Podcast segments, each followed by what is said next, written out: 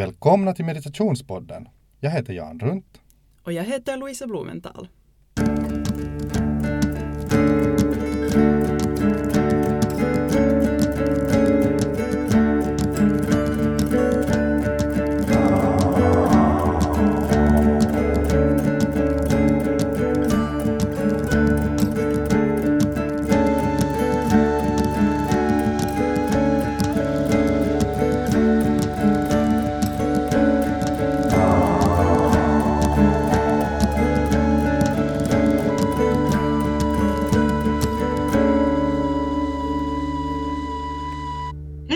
Och välkomna till det nionde avsnittet av Meditationspodden.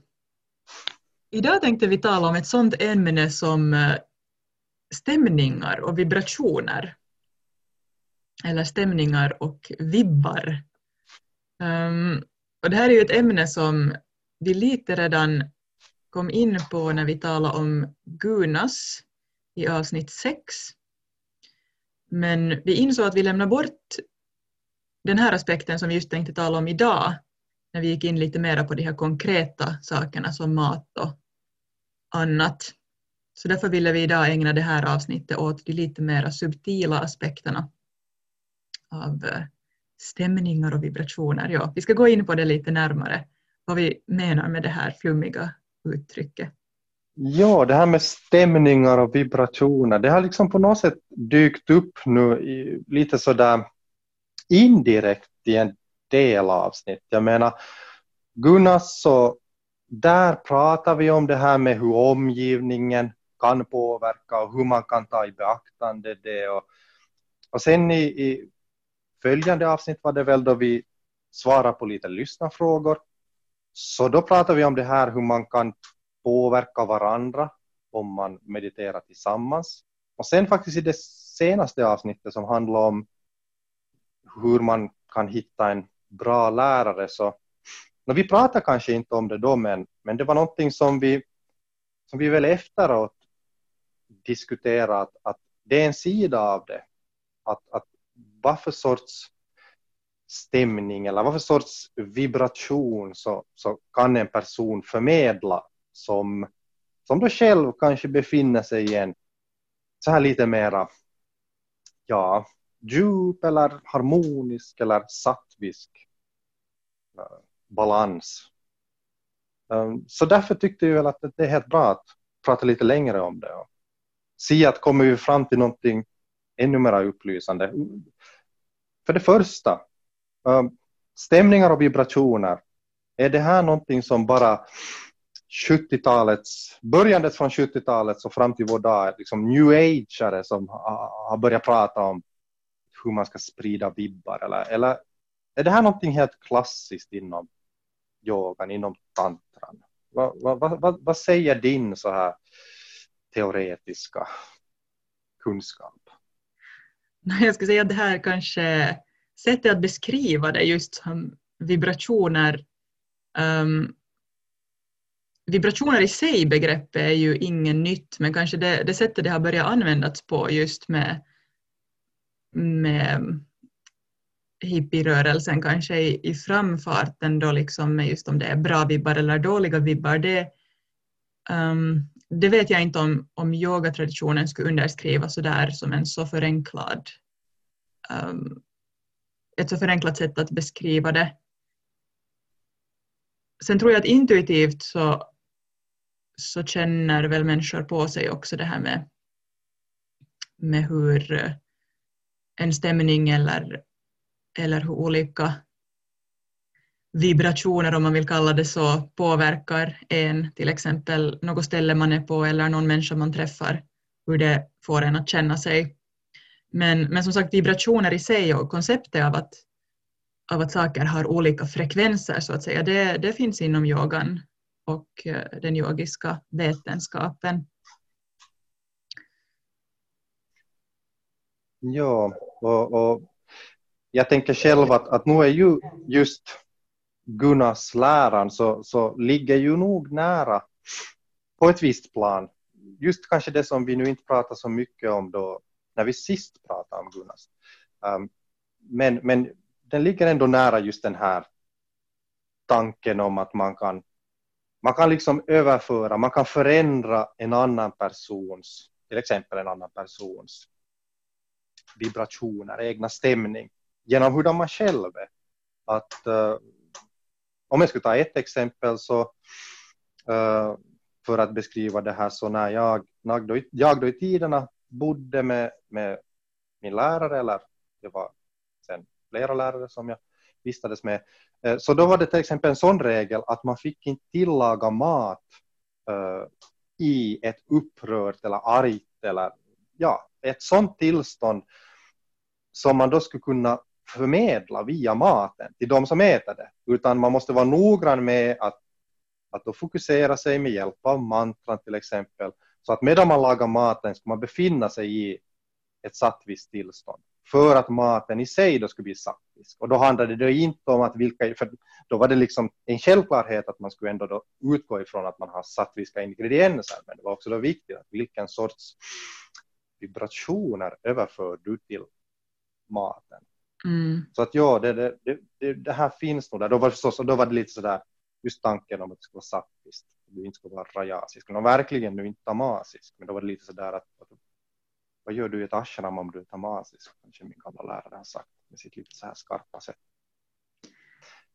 Men jo, det där, det där har jag också där... hört om och jag, jag tänkte att lite kanske på samma samma, vad heter det, uh, vis så minns jag någon gång när det blev av någon anledning på ashramet där jag bodde så blev det antingen om det var så att det var kallt eller att det hade regnat in någonstans, men det var någonting som var i alla fall, någons rum var liksom obeboeligt av någon anledning. Och då minns jag att det, det kom till diskussion ifall det skulle vara möjligt att sova i yogarummet. Och ganska snabbt så konkluderades det att nej, att det, det är inte en bra idé att sova i det utrymme som ska vara för meditation. Att de liksom energierna vill man inte ha i yogarummet. Av samma orsak just för att det, det samlas den, den slags energin, den slags frekvensen så på sätt och vis blir stället också präglat av och därför ska man hålla dem separat. Det kan jag ju säga att, att också senare tycker jag visar sig i sin erfarenhet att det lönar sig att ha, ha vissa eh, ställen för vissa delar av ens liv. Och då kanske främst just ett, ett ställe för sin yogapraxis. Ja, och, och, eh, faktiskt en av de saker som, som vi kom att tänka på när vi hade gjort det här Gunnars avsnittet, eh, det var ju faktiskt då så, den som har hört det avsnittet kanske kommer ihåg att vi nämner där i början att, att vi försökte banda in det flera gånger, men det blev så oerhört långt för att det var så väldigt mycket som vi ville klämma in på en kort tid. Äh, så att vi måste försöka ett par gånger innan vi kunde få ner det till en sån här någorlunda hållbar längd. Men då märkte vi efteråt att det var en väldigt viktig grej som vi, vi hade lite tappat bort, nämligen när vi pratar om saker som man då kan använda för att påverka att i, i vilken Gunnar man då själv befinner sig i. Så musiken, det är ju en väldigt bra och, och också då en, en del av yogan och tantran.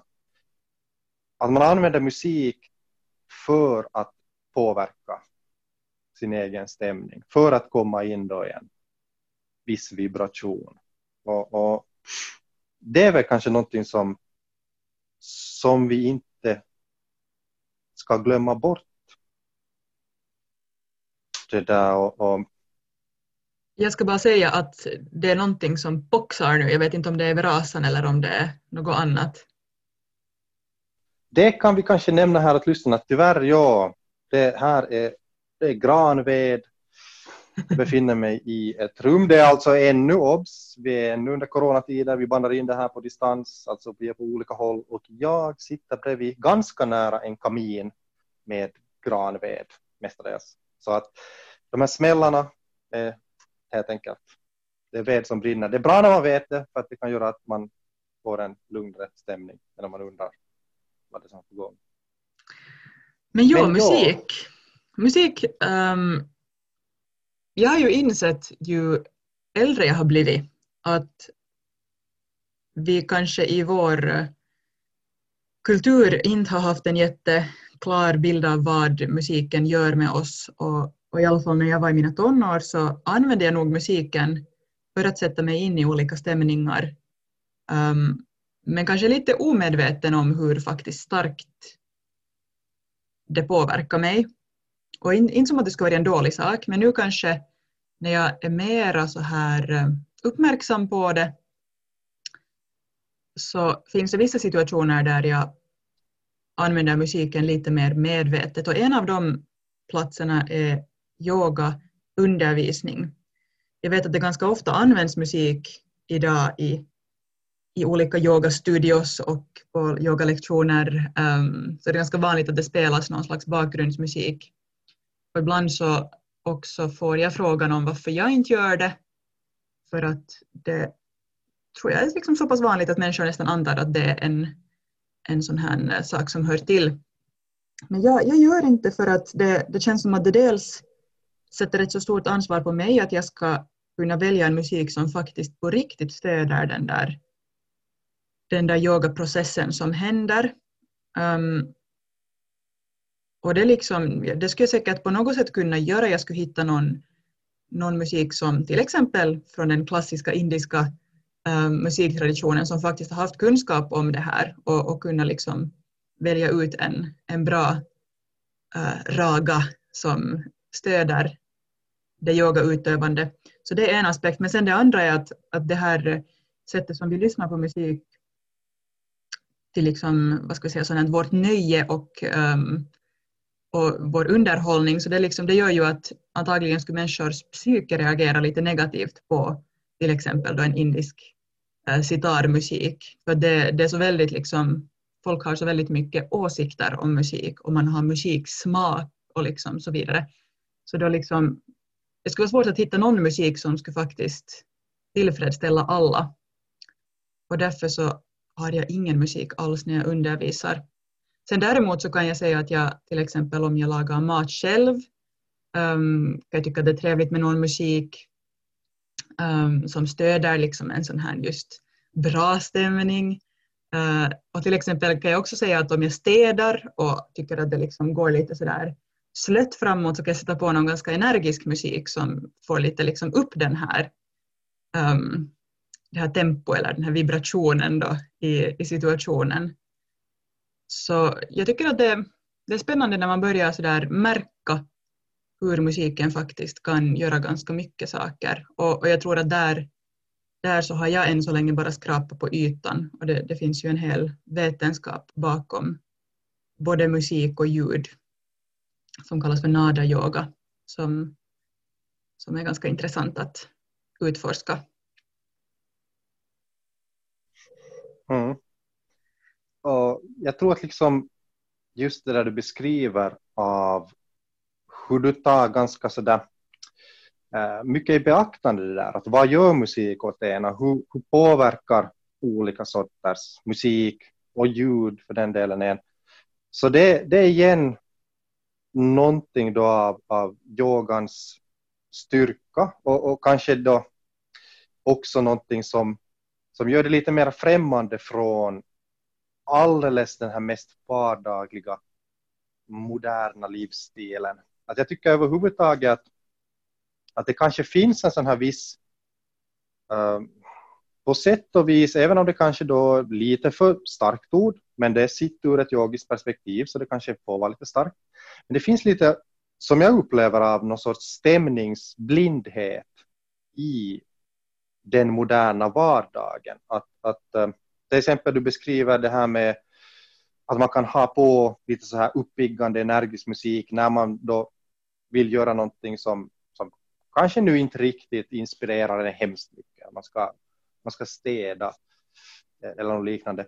Men, men sen vad jag upplever är det att, att ehm, det är ganska vanligt med en modern vardag som blir ganska så här genomsyrad av Äh, impulser som alla har ganska så samma stämning. Och det, det är bara en sån här uppiggande, nu får en person som kanske liksom är lite motvillig att, att helt enkelt leva i den här rutinen, en ganska kanske trist rutin. Att hålla den igång. Jag ska säga, som jag, jag vet jag har någon gång brukat säga så här att om vi tänker på skvalradio, alltså sån här radio som man har på spelandes i bakgrunden mm. på kanske olika arbetsplatser så här. Jag vet inte, nu kanske det blivit lite ovanligare för människor har ändå sin egen kanske musik då i hörlurar om de jobbar på ett kontor eller liknande men, men ändå lite den här ska vi säga traditionen som har funnits med en sån här skvalradio som spelar i bakgrunden oftast då med sån här glad, energisk eller åtminstone energisk, det behöver inte alltid vara glad, men så energisk uppiggande musik. Att det är som en sorts uh, ljudets kaffe. Liksom mm. När vi mm. tidigare pratade just om, om den här, det här enorma koffeinbruket då i, i, alltså i Norden, i Finland, men nog överhuvudtaget i, i västvärlden. Så då är det ju det att man hela tiden, man, man hela tiden dricker en, en uppiggande alltså inte hela tiden man sitter, men liksom varje dag, kanske flera gånger per dag, dricker man en, en väldigt uppiggande, då egentligen drog. Och det är samma sak, samma sak med, med det här um, musikvärlden, att det har blivit väldigt mycket att man har på en sån här en enda stämnings egentligen bild och det är den här uppiggande effekten. Och när man då sen går djupare in i att känna efter helt enkelt, att hur påverkar olika saker en och hur kan olika intryck påverka ens mående eller ens stämning, just det som vi pratade om med Gunnar, så att den balans man befinner sig i. Så då blir man kanske också mer uppmärksam på det att dels det att vill man hela tiden få en, en mer rajasisk stämning, om det är det som musiken lite har, att den har en sån här uppiggande nu ska det vara lite fart på stämning. Uh, eller behöver man lite olika saker och ska man behöva kanske mer av, och det är kanske det som människor då sen saknar om de har varit vana med att gå på någon yoga där det är en sån här väldigt lugn och mm.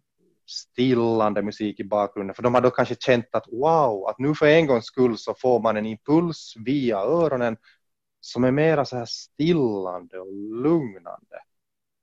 Och förstås, jag menar, det kan ju vara just, det kan ju vara jättebra, men det kan man ju själv då förstås också söka upp. Att, vad, vad tycker man inte?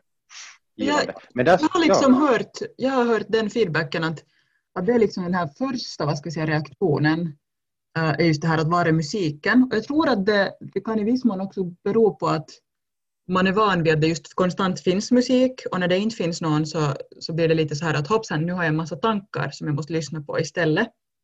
Men, men sen efter ett tag så har, om jag har frågat sådär att hej, att nu har jag fått, fått den här feedbacken att det önskas lite musik, att vad, vad tycker gruppen? Så har de som har varit med länge varit så att nej, det, liksom, det har försvunnit det behovet ganska snabbt. Att det är så jätteskönt att det finns någon stund på dagen när det inte finns ett sånt här uh, ljud intryck utan att man faktiskt får vara i tystnad. Att det är inga barn som skriker, det är ingen sån här just arbetsplatshössel om man nu råkar jobba då uh, inte på distans um, hemifrån, det är inga trafikbuller utan just det här att det bara är tyst. Det är det såklart, jag, jag pratar då och då, någon annan kanske um, andas bredvid en och liksom sånt men liksom i övrigt så är det tyst. Och det är en jätteskön känsla. Ja, och, det där, och förstås, alltså, jag menar, sen finns det ju den här medvetna, medvetna yogiska metoden att via musik skapa stämning, det vill säga att man sjunger. Mm. Du pratar om nada yoga, men just att man, man sjunger då, till exempel mantror. Att musik är kanske ett av de områden, bara man sen å andra sidan, om inte man då har upplevt sådana här mera no, vad ska vi nu säga, så där svårförklarliga överföringar av stämning från en person till en annan så tror jag att, att alla har den här vardagliga upplevelsen, alltså kanske inte varje vardag, men den här vanliga upplevelsen av att genom musik så kan en person förmedla väldigt mycket av sin egna inre känsla till en annan. Eh, men det som vi nu kanske ska gå vidare till den här frågan om att vad, med sådana här överföringar av känslor, stämningar och vibrationer som, som nu inte är lika sådär lätta att förklara. Och, och en sak som vi, vi, vi pratade om här i något skede var det att kan vi definiera att vad är egentligen de här stämningarna och vibrationerna? Vad, är, vad, vad pratar vi om? Stämningar och vibbar. Och det har ju blivit, alltså just, det har ju blivit som på något sätt en del av vardagsspråket. Han har bra vibbar, säger man. Men vad är det egentligen som händer när någon har bra vibbar? Och, eller någonting, eller en situation präglas av bra vibbar? Huh, ja, det här är ett eh, stort säkert ämne igen att gå in på. Och jag funderar just vilket perspektiv vi ska, um, ska ta för att börja nysta upp det.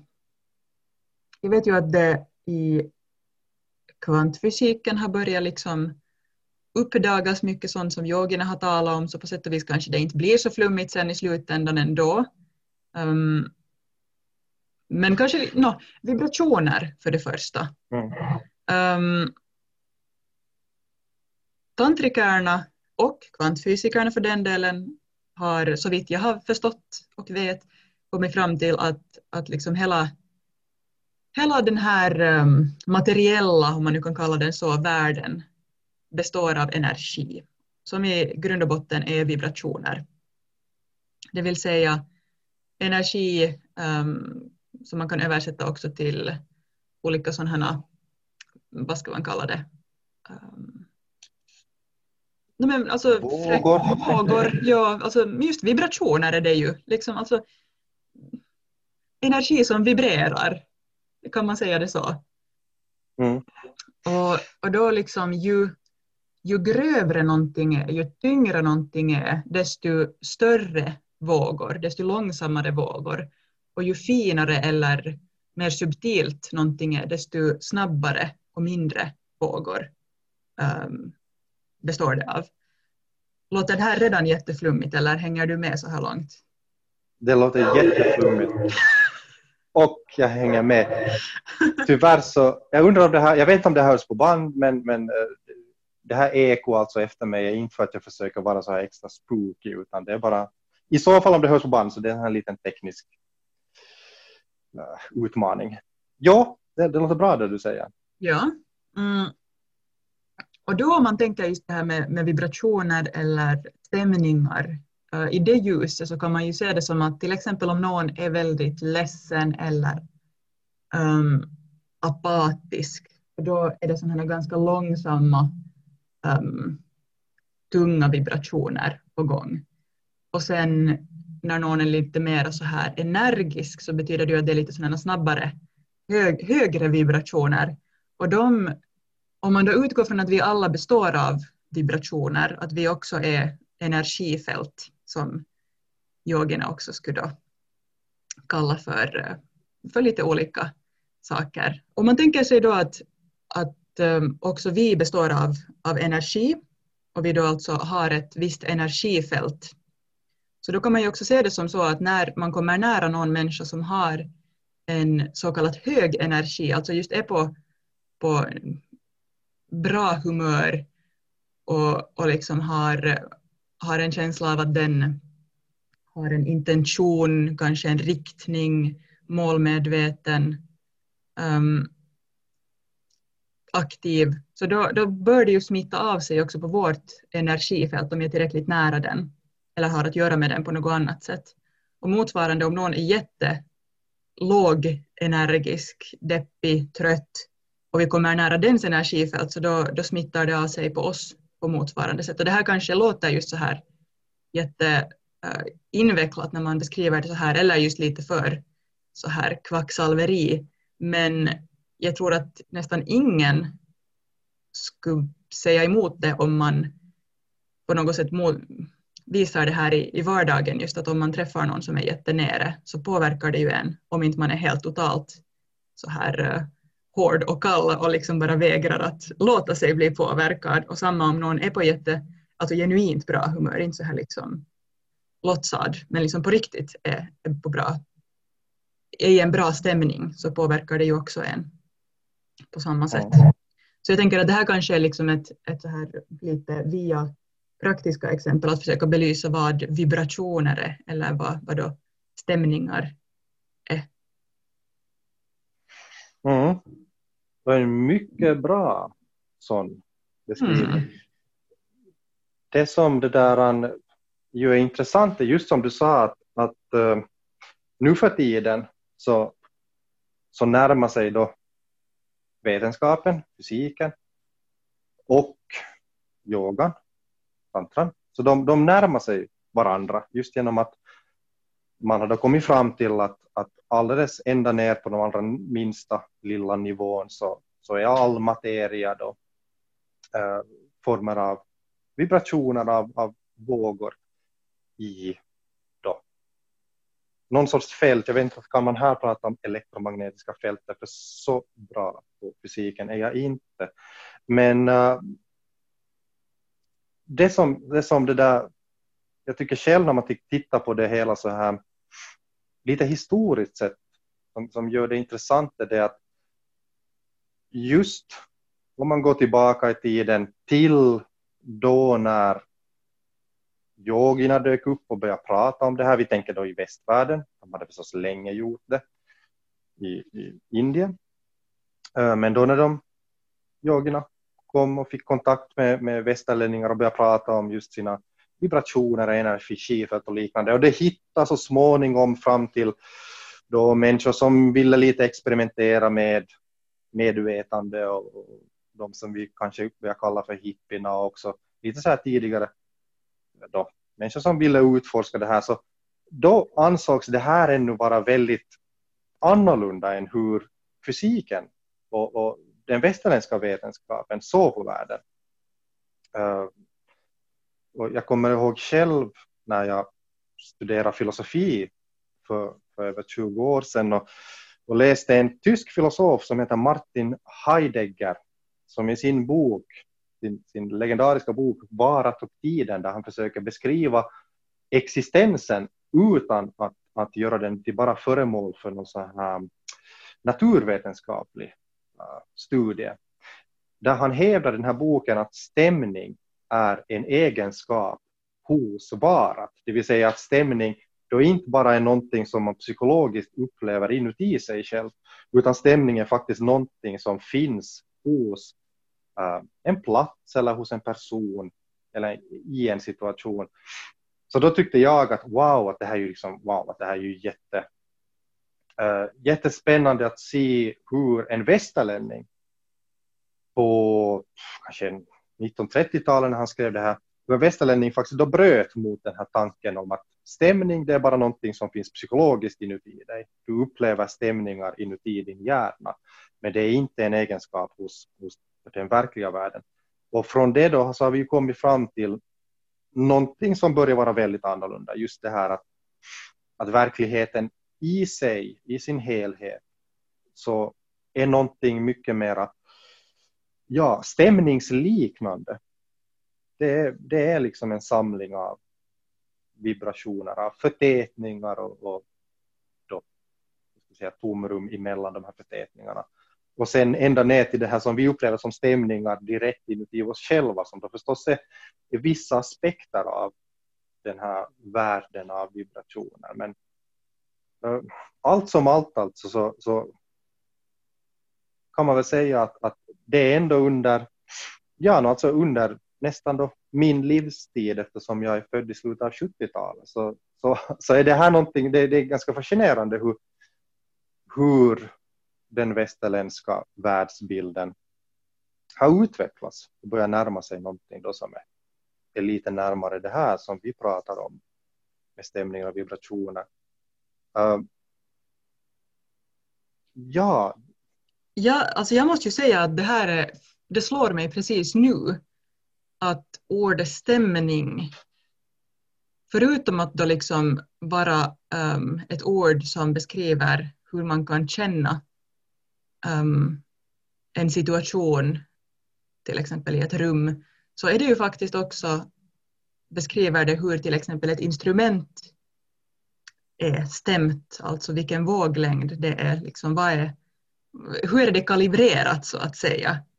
Och de här orden egentligen betyder samma sak. Och det, det leder mig till att tänka just på, jag var med på en sån här eh, um, dagsretreat, det vill säga det var en tyst dag um, som ordnades med bland annat sån här, um, vad ska man kalla det, tyst, eller inte tyst, men, um, men innerlig sån här stilla bönesång kallades det, som då är liksom, vad ska vi säga, den här gamla traditionen som finns i den kristna kyrkan bland annat av, av andlig sång.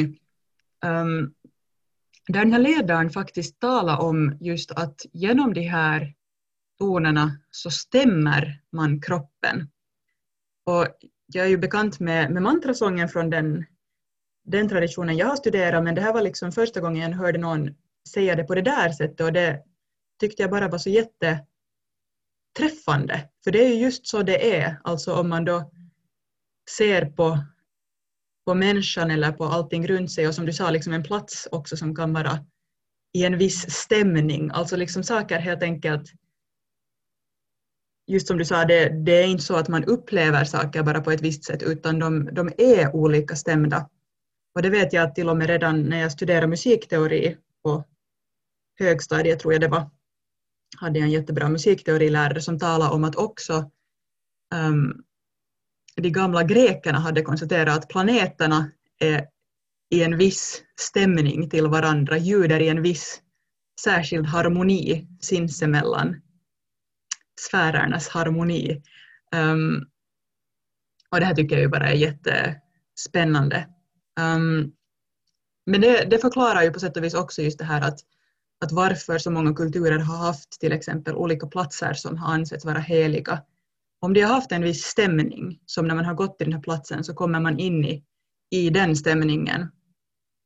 Um, så det är ju någonting som vi kanske skulle lite kunna fundera vidare på jag menar, jag vet att det, det som sagt finns kyrkor här i, i eh, Finland ännu idag. Det finns också andra religioners uh, diverse tempel och moskéer och andra sådana heliga platser, men de har ofta blivit liksom gjorda av människor um, sådär relativt nyligen ändå. Kanske Åbo domkyrka är väl den, en av de äldre. Det här ska jag inte faktiskt gå och säga utan att veta någonting om. Men, men känner du till några sådana stämningsfyllda platser? Ja, det, det där... Uh, jo, jag måste säga för min egen del att, att jag kanske liksom har de här egna stämningsfulla platserna och, och har nog märkt det, alltså just när man kommer in till exempel om man kommer in i ett ställe var människor har mediterat väldigt länge. Så, så jag måste nog säga att, att uh, man må säga vad man vill, men jag tycker nog att det finns en helt annan sen så här grundstämning att börja från själv när man då mediterar på det stället. Och för mig så är det kanske det som då är, är mätaren för ett för ett så att säga, om vi nu ska säga heligt ställe, att det är ett sånt ställe var, var den här grundstämningen som finns där, de vibrationer som människor har lämnat efter sig, är sådana att man själv kommer in i en, i en sån här, uh, ja, väldigt lätt kommer in i en harmonisk meditativ stämning för att man använder ordet stämning ganska mycket. Jag vet inte om det finns någon bra synonym som vi också skulle kunna. Det var det där med vibrationer och stämningar. Men ja, så att uh, det är nog någonting, för min egen del så, så måste jag säga att, att det här är någonting som jag känner just när jag har haft då glädjen att komma in i utrymmen var, var det har mediterats ofta och länge. Om man råkar komma till en sån skola eller, eller så där jag vet inte, men det är kanske någonting med mig, men, men den stämning som jag får av, av sen då de här äh, i, i då den så här finska klassiska kristna kulturen, heliga platserna, det vill säga kyrkorna, så, så det jag vet inte, jag får en lite sorgsen stämning. Mm dem. jag vet inte att ha det sen att göra med det att, att det råkar vara att många människor besöker kyrkorna just jag tycker de besöker det också vid ganska glada tillfällen. Jag menar, de besöker det vid, vid bröllop och, och sånt här. Att, att jag vet inte, är det av någon orsak så att jag har jag egna på något sätt associationer eller får jag upp någon sån här känsla som kommer från, det är ju klart, det är ju också begravningar och människor som jag sörjer. Men det här är nu någonting som är kanske helt personligt för min egen del. Mm, men jag, jag, förstår nog vad du menar. Alltså det, jag kan tycka att det finns ett visst, eh, en viss högtidlighet som kanske liksom gränsar till allvar eller just så här um, svårmod i de finska kyrkorna. Och, och jag vet inte om det är alltid en dålig sak. Jag tänker just att, att i viss mån så, um, så kanske man också vill ha en känsla av att det inte liksom bara är så här jätteglättigt. Um, eller just det där att det är väl den här risken att det blir lättsamt, tänker jag, som, som också sen är den andra motsatta sidan.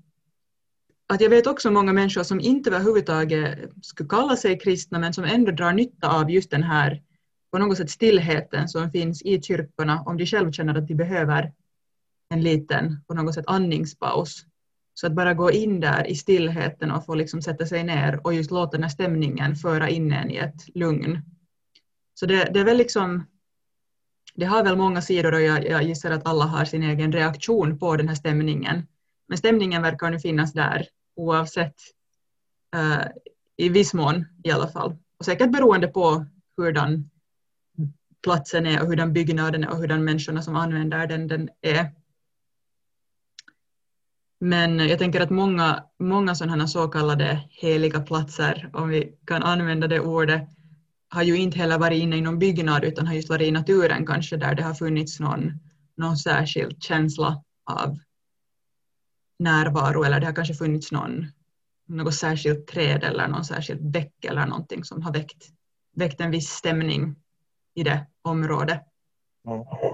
Och där måste jag också säga att till exempel här var jag bor så finns det sådana vissa ställen som, som är, på något sätt har en, har en speciell atmosfär. Jag vet inte om man kan kalla det, det är inte helt samma sak men, men något ditåt. Men har en viss stämning som jag tycker om att vara i. Mm. Och sen om man just tänker på, på då vår, bägges våran tradition, det vill säga tantran, så, så finns det ju faktiskt en, en, en, ja, det finns en tradition inom den att man söker upp ställen var stämning kanske inte är den allra lättaste. Det vill säga, det har funnits en tradition av att man går till, vad heter det nu, sån här, ah, nu kommer jag inte på rätt ord, alltså Gravgårdar? Äh, äh, ja, gravgårdar, men jag kommer bara på arkebusering och det är inte det jag menar. Krema, kre, kremeringsgrunder. Kremering. Ja, precis. Men är det inte på liksom... Men det är liksom, ja. ja. Så det är vi tar bort allt liksom begravnings... Ja. Ja, no. ja, ja. Vi, vi klipper bort det här. Att det finns, det finns en tradition av att man går till alltså till begravningsplatser eller ställen var man då också har kremerat människor. Jag menar det, det traditionella sättet i Indien som man gör när man begraver någon. Vilket då alltså inte, jag, jag tänkte bara om det är någon som inte är bekant med det, det är ju inte alltså på samma sätt då att man äh, har ett krematorium som liksom tar hand om det så här väldigt äh, separat från omvärlden utan det är väldigt öppna sådana um, kremeringseldar som liksom är på den här platsen där det sen också begravs människor. Ja, och, och, och där, där har ju då funnits olika tankar om, om vad som är vitsen med det här, men där, där använder man sig också av en, av en stämning, men, men eh, ja, då kan det vara att den här stämningen till exempel har att göra med, med eh, eh, no, det att, att det liksom att det öppnar bort, det, det no, öppnar bort var liksom kanske ett sammansmältande av lite olika saker jag tänkte på, men det, det öppnar upp för uh, en, en, en form av känsla var man rör sig väldigt mycket bort från det vardagliga livet, väldigt mycket bort från rutinen av att göra vad du ska göra och fixa och sen så är det gjort, utan det har att göra med de här stora övergångs, eh, vad ska vi säga, faserna i existensen.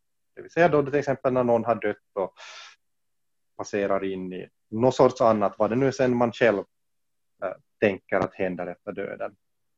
Och att det då är en stämning som, som har att göra med det, och som kanske inte just är den här, ja, inte kanske det mysigaste, men på samma gång kan hjälpa en att meditera eftersom det kan ha känslor av att nu lämnar vi bakom oss det här vardagliga och kanske lite så här småskurna.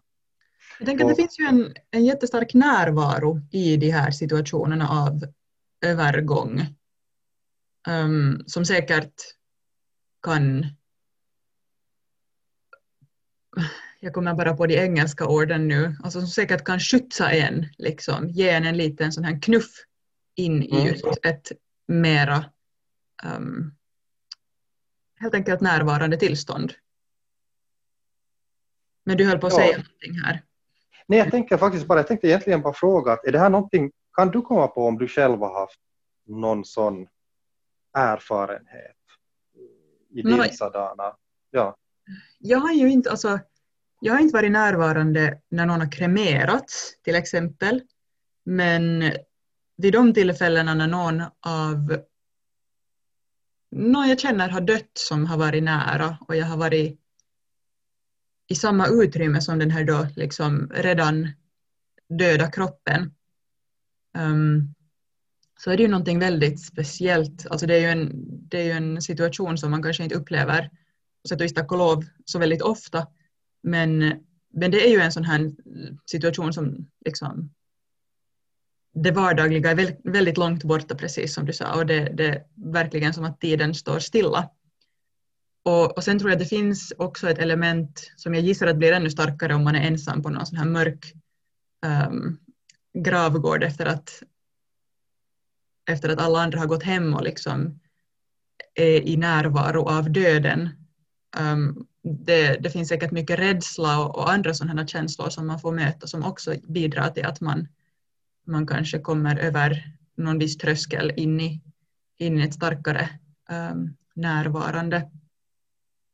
Men det kanske jag skulle säga att, att liksom, lite den här motpolen till den här känslan men ändå nära besläktade. Jag har också varit med på några förlossningar, haft äran att, liksom, att helt enkelt vara, vara med som stöd och, och den stämningen när en ny människa kommer uh, ut och upp i världen. Det, det, är också en väldigt starkt närvarande stämning, men den är liksom för det mesta, um, om, om allt går som det är planerat så är den, den är så nästan extatisk. Alltså den är väl, väldigt så här upprymd och, och samtidigt just så där att tiden står stilla och liksom ingenting annat händer utom, utom den här starka närvaron och, och medvetenheten om det här nya livet. Det är en jättespeciell stämning. Men det är väldigt svårt att komma åt att eh, meditera i förlossningssalar. Nej, det, det, är ju inte det kanske man gör där. Man mediterar eventuellt inte i den stunden, men, men sen kan man ju leva på den där just intensiva upplevelsen av att vara här och nu och liksom vara närvarande i, när man går hem därifrån, så är man fortfarande uppfylld av den här starka känslan av wow, liv. Mm. Sen kan man meditera. ja. Ja, det där. Och sen, sen då alltså en, en klassisk grej inom yoga och tantratraditionen som vi ju lite nämnde tidigare, det vill säga det här med, med en person som, som genom, eller genom sin egen praxis till exempel har nått en så jämn och så ja, kanske utdragen eller kanske så hög vibrationsnivå så att den bara med sin närvaro kan påverka andras ja, vibrationer om vi, om vi tänker att det är det ordet vi använder. Gunnars mm. kunde också vara något liknande. Eller överhuvudtaget just den här möjligheten att uh, uppnå en, en, en annan nivå av medvetande. Uh, så det är ju någonting som man nog lite har tillskrivit den här klassiska bilden av en guru. Att en guru är inte bara bra på kunskap, det är inte bara det att den har massor med teori som den kan berätta om och bra tekniker den kan lära ut. Utan till den här riktigt klassiska gurun så hör väl nog det också att den kan liksom utan ord och bara genom att vara så kan den förmedla en upplevelse. Mm. Skulle du inte säga så? No, jag, absolut, jag skulle säga att, att jag tror att många skulle, skulle snarare säga så just att en, en guru kan ha hur lite som helst erfarenhet, eller inte erfarenhet, men ha hur lite som helst teoretisk kunskap. Det är, liksom det, det är verkligen en, en bisak vad den här gurun har om den inte har den här stämningen, förmågan att kunna påverka sin, vad, ska man kalla det, uh, lärjunges stämning, sin elevs stämning. Jag tänker att det är också det, det liksom, redan den, vad ska vi säga, den tanken skulle jag tro att för många skulle vara ganska hisnande. Bara liksom att tänka att det kan finnas en människa som faktiskt är så medveten om sin egen stämning att den utan att bara så här uh, blint reagera på omvärlden faktiskt kan så där möta dig, se vilken stämning du är i och medvetet välja att nu hjälper den dig komma in i en bättre stämning. Och då talar jag inte just sådär som i en bättre stämning som just sådär, yeah, vad roligt det är, utan till exempel, jag minns inte om vi berättade om det i Gunas, men, men till exempel en väg från tamas till sattva är via rajas, vilket kan betyda att den gör dig arg först. För det är i alla fall, då, då har du i alla fall någonting på gång istället för att vara helt inaktiv. Men, men hur som helst att, att den här människan då har en sån, sån närvaro i sig själv att den förmår komma ur sin egna bara så här eh, blinda reaktion.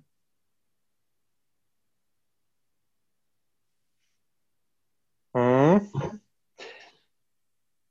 Ja, och nu vill jag kanske understryka det så att, så att ingen, ingen det där, du, du tog ett exempel med, med det här med att det kan göra någon arg, men nu vill vi alltså ändå understryka att det kan bra hända att den här personens goda, uh, vad ska vi säga, mm, um, medvetandenivå, goda vibrationsnivå också bara tar sig uttryck i att personer omkring den faktiskt får en jättebra känsla själv kommer i en direkt. Alltså det, det, ja, jag förstår vad du menar, men det måste, det måste, bara så att alla vet att det är inte så att du måste först bli arg för att ha det där att träffa en. Det, det är jättebra att du säger. Jag tror jag, jag har träffat mycket av, av de här berättelserna om till exempel Marpa och Milarepa och andra sådana liksom klassiska, ja. äh, lite mera sådana bryska um, yogir som som har använt också av de här metoderna. Men det, det, är helt sant att det finns också jättemycket exempel på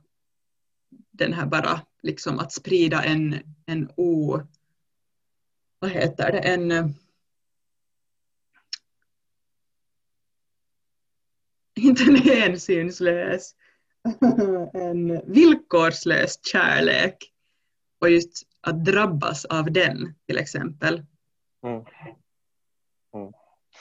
Ja, för jag skulle tänka att, att det här äh, Marpa och Milarepa och, och det exempel som du kanske börjar med, så det, jag skulle ändå placera det som lite på en annan nivå, att där är det ändå, upplever jag, kanske ännu så där att, att äh, läraren och gurun i det här fallet använder sig av, av metoder och, och, mm. och handlingar av olika slag.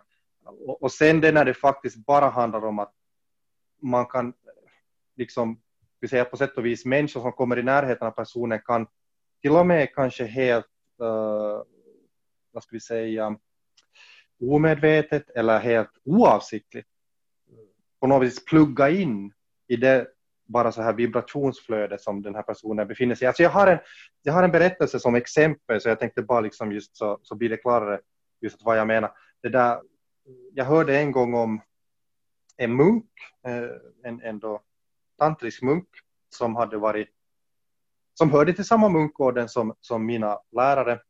Han hade just dött i cancer. Det var en sorts minnestillfälle eh, som ordnades av personer som hade träffat honom. Han hade rest runt i världen och jobbat på olika ställen och, och det här var då jag råkade vara faktiskt i Köpenhamn och han hade varit där en, en tid. Så att de, de som då var där, de andra som hade träffat honom, de hade en minnesstund av honom och då berättade de, eh, det var en annan då av hans kollegor, alltså en munk som hade varit hälsa på honom när han låg på sjukhus eh, och var döende. Att det var riktigt i slutet av hans cancer, så det var då inte, inte långt före det här tillfället. Och då berättade han att, att han hade bara suttit där bredvid hans sjukhussäng och den här munken hade, hade legat väl så här halvt, halvt medvetslös, liksom bara helt enkelt väldigt utmattad och lite i sin egen värld hade han legat i sängen.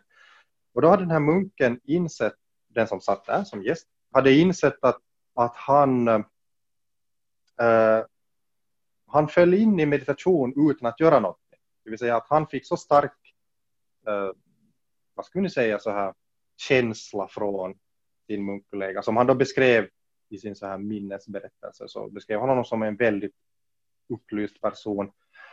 Så att, så att uh, han föll in i sin meditation helt oavsiktligt och han uppnådde då en, en så på något vis så här hög nivå som han nästan aldrig annars brukar göra, men utan att meditera. Och han, han satt där och tittade på sin då vän och kollega och, och, han insåg att, att det var liksom den här andra personens enormt starka vibration som påverkade honom. Det tyckte jag var en jättefin berättelse och, och sådana här berättelser finns det ju ur traditionen. Jag tyckte bara det var, det var, det var roligt att höra det här från en, en, vad ska vi säga, en ganska, ja, det här var ingen som ansågs vara någon jättestor guru, utan han var bara en, en munk som alla som hade träffat honom upplevde att, att väldigt sådär de befann sig på en liksom väldigt bra stämnings,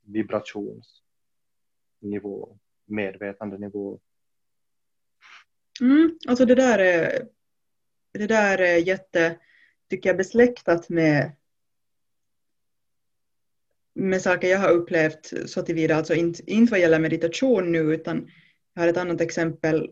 Um, det finns ju till exempel då Patanjalis Yoga Sutras så talas det ju om olika sådana förhållningsregler som en yogi bör följa och en av dem är eh, icke-våld, ahimsa.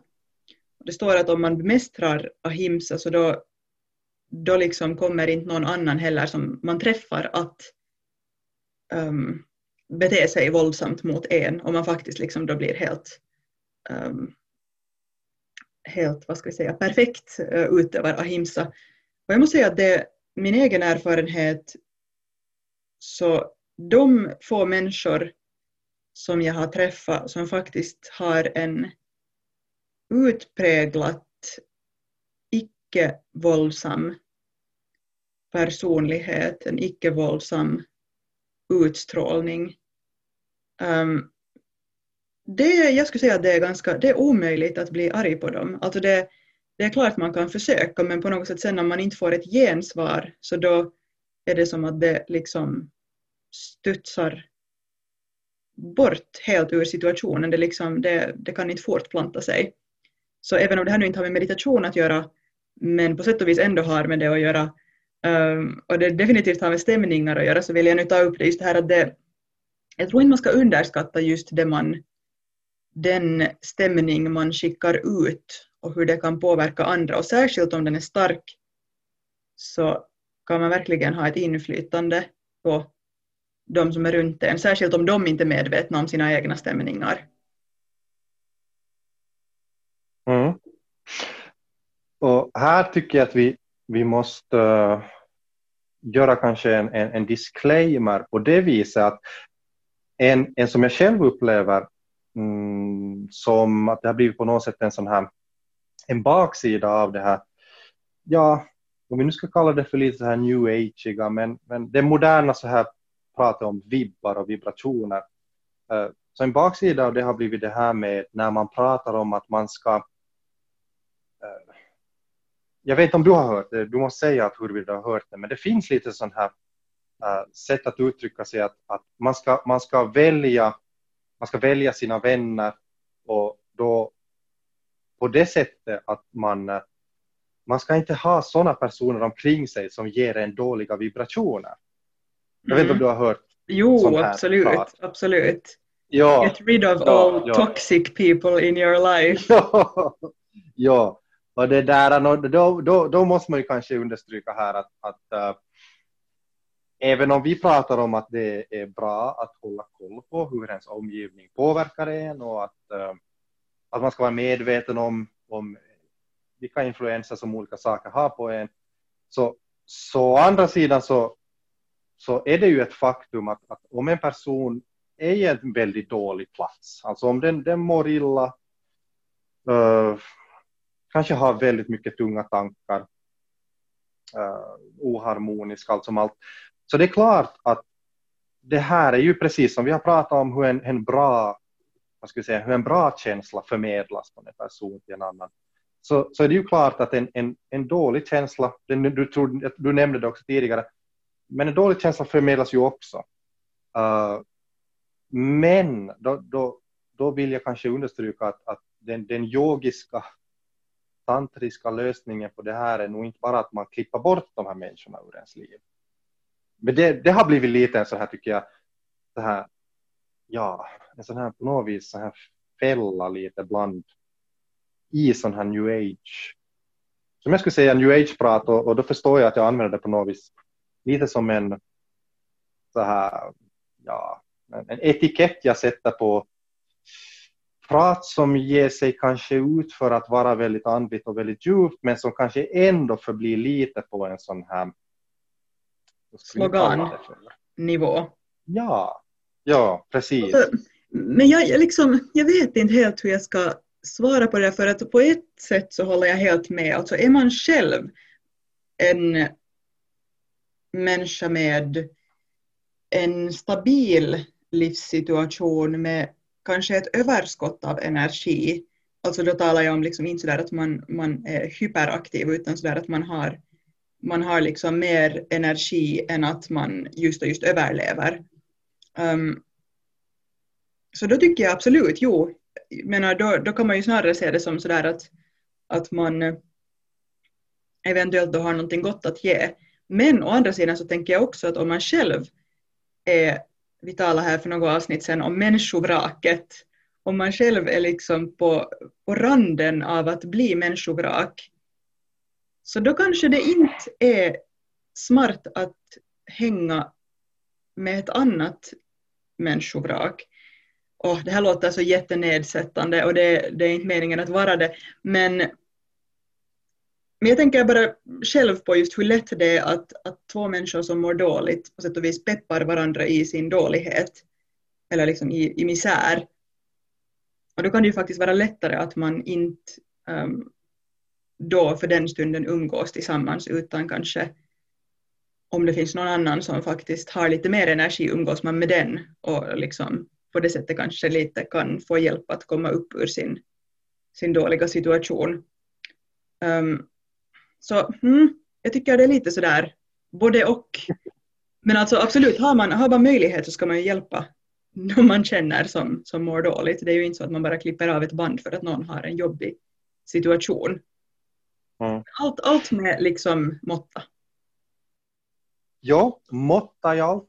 Jag håller med. Jag håller med. Det, där, det som jag kanske mest riktar mig mot är att, att när man hör de här råden, så jag tycker själv åtminstone det låter som att nu ska du göra en, en omställning i ditt liv och tanken är att du ska liksom välja ut de här som är positiva personer och sen så ska du rensa bort de här som är negativa personer. Då, då, då låter det ofta, och jag tror, eller liksom inte bara låter utan då formuleras det ofta på det sättet som att sen är det liksom goodbye. Att du, liksom, du stänger ut dem och det här är lösningen. Men, men jag håller nog med det här du säger att förstås uh, är det så att det är du själv som befinner dig i en dålig situation och du har det väldigt tungt så då kan det vara ska vi säga så att du kanske inte du kanske bara gör det värre för någon annan som har det väldigt jobbigt. Men Mm. då kan man kanske tänka på att, att hur, hur balanserar man sitt umgänge. Det kan ju vara bra att man har kontakter med om det är en gammal vän, du, du själv mår dåligt, din gamla vän mår dåligt, kan vara bra att ni håller kontakten, men det kan ju hända att du, du borde försöka då också hitta mera så här positiv, mera så där uppmuntrande och, och, och bra på det viset. Stämningar och vibrationer. Men med det här liksom, ja, jag ville bara vara sådär, eftersom vi kommer in lite på den här frågan om hur olika människors vibrationer, vibbar kan påverka en så, så det där så kanske ändå det här att, att man, man, inte, man inte tar och rensar bort människor. Men någonstans, någonstans har jag hört att umgås med sådana som har liknande um, målsättningar i livet som du. Alltså till exempel om du är en yogi, det kan vara att det var någon mm. yogisk textskrift det här stod i, så då, liksom, då är det bra att du omger dig med andra som har samma um, heter det på svenska aspirationer, alltså samma, helt enkelt samma mål som du uh, och umgås inte med sådana som har världsliga intressen. Va, vad tänker du om det här? Är det, har det också med stämningar att göra eller är det mera sen en sån här fråga om att bli påverkad på helt praktiska sätt? Alltså säkert både och. Uh, och jag tänker just som sådär att, att eh, styrkan med att på allvar börja fundera på vad stämningar egentligen innebär och att, att, börja känna av det. Jag menar det är kanske också någonting som, som, som, som jag kanske upplever att, att händer då man går in för att ha en sadana och då man mediterar och, och sådär och kommer lite närmare sin egen intuition. Det vill säga den nivån var man kanske uppfattar de här sakerna. Så, så en styrka i det hela är just det att, att man blir medveten om den här växelverkan mellan uh, en, en, en, en känsla, vad det innebär för också helt konkreta saker. Som att, att jag tror att den här frågan om att, att vilken sorts människor och vad de har för vad de har för sorts mål eller vad de har för sorts drömmar och, och vad är det de egentligen vill uppnå. Uh, uh, så, så det har både att göra med att hurdan hurdan, hurdan känsla är det de sen skapar omkring sig? Och, och, är det en känsla du vill vara med på? Jag menar för att det är klart om man det är ju det att, att förstås, jag menar precis som här tidigare när vi pratade om den här då frågan att, att ska, man, ska man välja sitt umgänge så att man tänker sig att det är bara människor med bra vibration eller en dålig. För det är ju klart att det är alltid ofrånkomligen så att man, man påverkar varandras stämningar. Man påverkar varandras vibrationer. Och, och, och, och, på samma sätt som man påverkar varandras tankar. Så att jag skulle säga att det där, det där låter som ett råd som man, som man kanske uh, kan följa just i den mån som... Jag menar, inte umgås du heller, jag menar om, om, om du har hemskt olika drömmar, om, om, om en person har drömmen att att den vill samla på sig så mycket pengar som den bara möjligtvis kan göra. Så inte kanske du tycker att det är ett hemskt intressant umgänge om du är mest intresserad av att hur, låt oss nu säga, hur ska du kunna rädda klimatet? Mm. För det, det, liksom, det, det ger inte dig, du vet att om du kommer närmare den här personen för att ni ska kunna leva i harmoni så måste någon av er närma sig varandra. Och är du intresserad av att faktiskt närma dig ett perspektiv som har att göra med att hur kan du göra så mycket pengar som möjligt? Och jag tror att det här nog också, jag tror att de här går lite hand i hand med ett stämningsplan. Alltså att en mm. person som faktiskt är ute efter att samla på sig så mycket pengar som möjligt, det, det låter väldigt rajasiskt och jag tror att en sån person skulle också, jag tror att den skulle sprida omkring sig en väldigt rajasisk stämning som du kanske mm. inte sen skulle vara så intresserad av. Traditionellt när man har börja en sån här, då liksom, när vi talar om träning så talar vi om den här lite mer djupgående um, träningen där man då bor med sin lärare eller i ett ashram eller liknande omständigheter och, och verkligen så fördjupar sig i, i sin egen sadhana. Och då, då brukar det ingå att man inte har så mycket kontakt med sin familj. Och vi diskuterade ju det en del i, i förra avsnittet att var kanske um, var man ska bli lite också så här fundersam. Men traditionellt så har det varit väldigt strikt. Man ska inte ha någon kontakt med sin familj. Och just på grund av det, att det finns så mycket stämningar som påverkar en uh, och som är så starka just när det gäller ens familj och, och närmaste för att de, de har en förmåga att faktiskt kunna påverka en och få in en i sådana mönster som man kanske uh, har svårt sen att, att släppa. Um, och då kan man ju tänka, eller man kan ju fundera att, att är det så att då en yogi är helt enkelt en så svag och bräcklig varelse att den inte liksom tål de här stämningarna utan måste skyddas från omvärlden. Um, och jag tänkte att i viss mån så, så kan man väl säga att precis som vi pratade om där i avsnitt fyra um, med retreater och, och yoga i vardagen så, så ibland kan det vara bra att ta en paus från de här intrycken. Men sen skulle jag ju vilja påstå att just när man väl har en sån här lite mer stadigare um, grundvibration, uh, stämning inom sig själv, så då är det mycket lättare att möta just också de här lite kanske um, svårare relationerna. Och det är ju där den här sadanan sen kommer in, ens dagliga praxis som förnyar den här grundstämningen, förnyar den här grund på något sätt, basen och vilan i sig själv. Det här var någonting som vi vi egentligen lämnar ganska kort där i, i avsnittet om, om Gunnars. Men, men just det här att, att det är ju det är ju faktiskt all, tanken med en sadhana, en, en, en yogisk rutin, tantrisk rutin, det är att man hela tiden återkommer till och förstärker ens då koppling till, eller hur vi ska säga, för en tillbaka till eller närmare ett plan där man befinner sig i en eh, sån här bra basharmoni. Och är sen yogin på något sätt en bräcklig person så, så uh, kanske då, jag menar kanske på det viset att, att om man börjar att på något vis öppna sig upp för att på samma gång då vara mer uppmärksam för, för stämningar och så vidare så ja, kanske delvis. Men sen å andra sidan när man får upp en praxis så, så skulle jag säga att kanske det är helt motsatta. Men jag skulle nog säga att, att kanske en utmaning för oss som är mera uppmärksamma på stämningar och, och vibrationer så är det att eh, den moderna västerländska världen så tror jag nog är, är särskilt, alltså jämfört med, med, med då kanske andra andra det där kulturer eller andra sätt att leva som människa.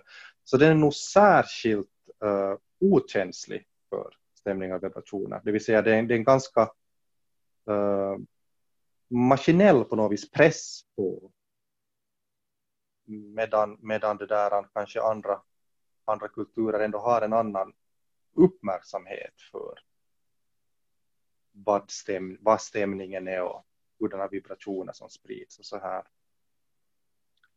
Ja, och jag, jag tänkte att uh, ännu på det här med temat med, med att vara känslig och öppen så jag vet att det, de senaste, kan det vara under de senaste tio åren eller har det till och med varit längre, så har det kommit mycket sådana här självhjälpsböcker inom ämne liksom överkänslighet eller vad heter det, hyperkänslig eller Alltså liksom helt enkelt det ah, högkänslig. Högkänslig. Det är högkänslig. Um, vilket jag tänker att är ett tecken just på att att i vår kultur där det kanske inte har talats jättemycket, jag vet inte om, om just den finska kulturen särskilt mycket jämfört med kanske till och med de andra nordiska länderna, har en sån här tendens att vara lite mera stolpig eller sådär okänslig, um, eller i alla fall så här instängt känslig i så fall. Så har människor börjat inse att det finns de här stämningarna och kanske då upplever sig som konstiga jämfört med det de upplever att alla andra då liksom inte reagerar på. Um, och då, jag, jag, vet inte, jag har inte satt mig in tillräckligt mycket men, men kanske lite så här i samma bana som det här med att stäng, liksom, ta bort alla dina de här människorna ur ditt liv som påverkar dig negativt så har jag liksom lite uppfattat just det här att, att sluta bry dig om de här känslorna som uppstår. Sluta plocka upp de här signalerna, liksom tips på hur du inte ska ta till dig de här signalerna. Och där tänker jag att det är ju det är ju det som kanske just att eh, gör yogan så jättebra, att det handlar inte om att du ska sluta vara känslig, utan tvärtom liksom bejaka den här känsligheten.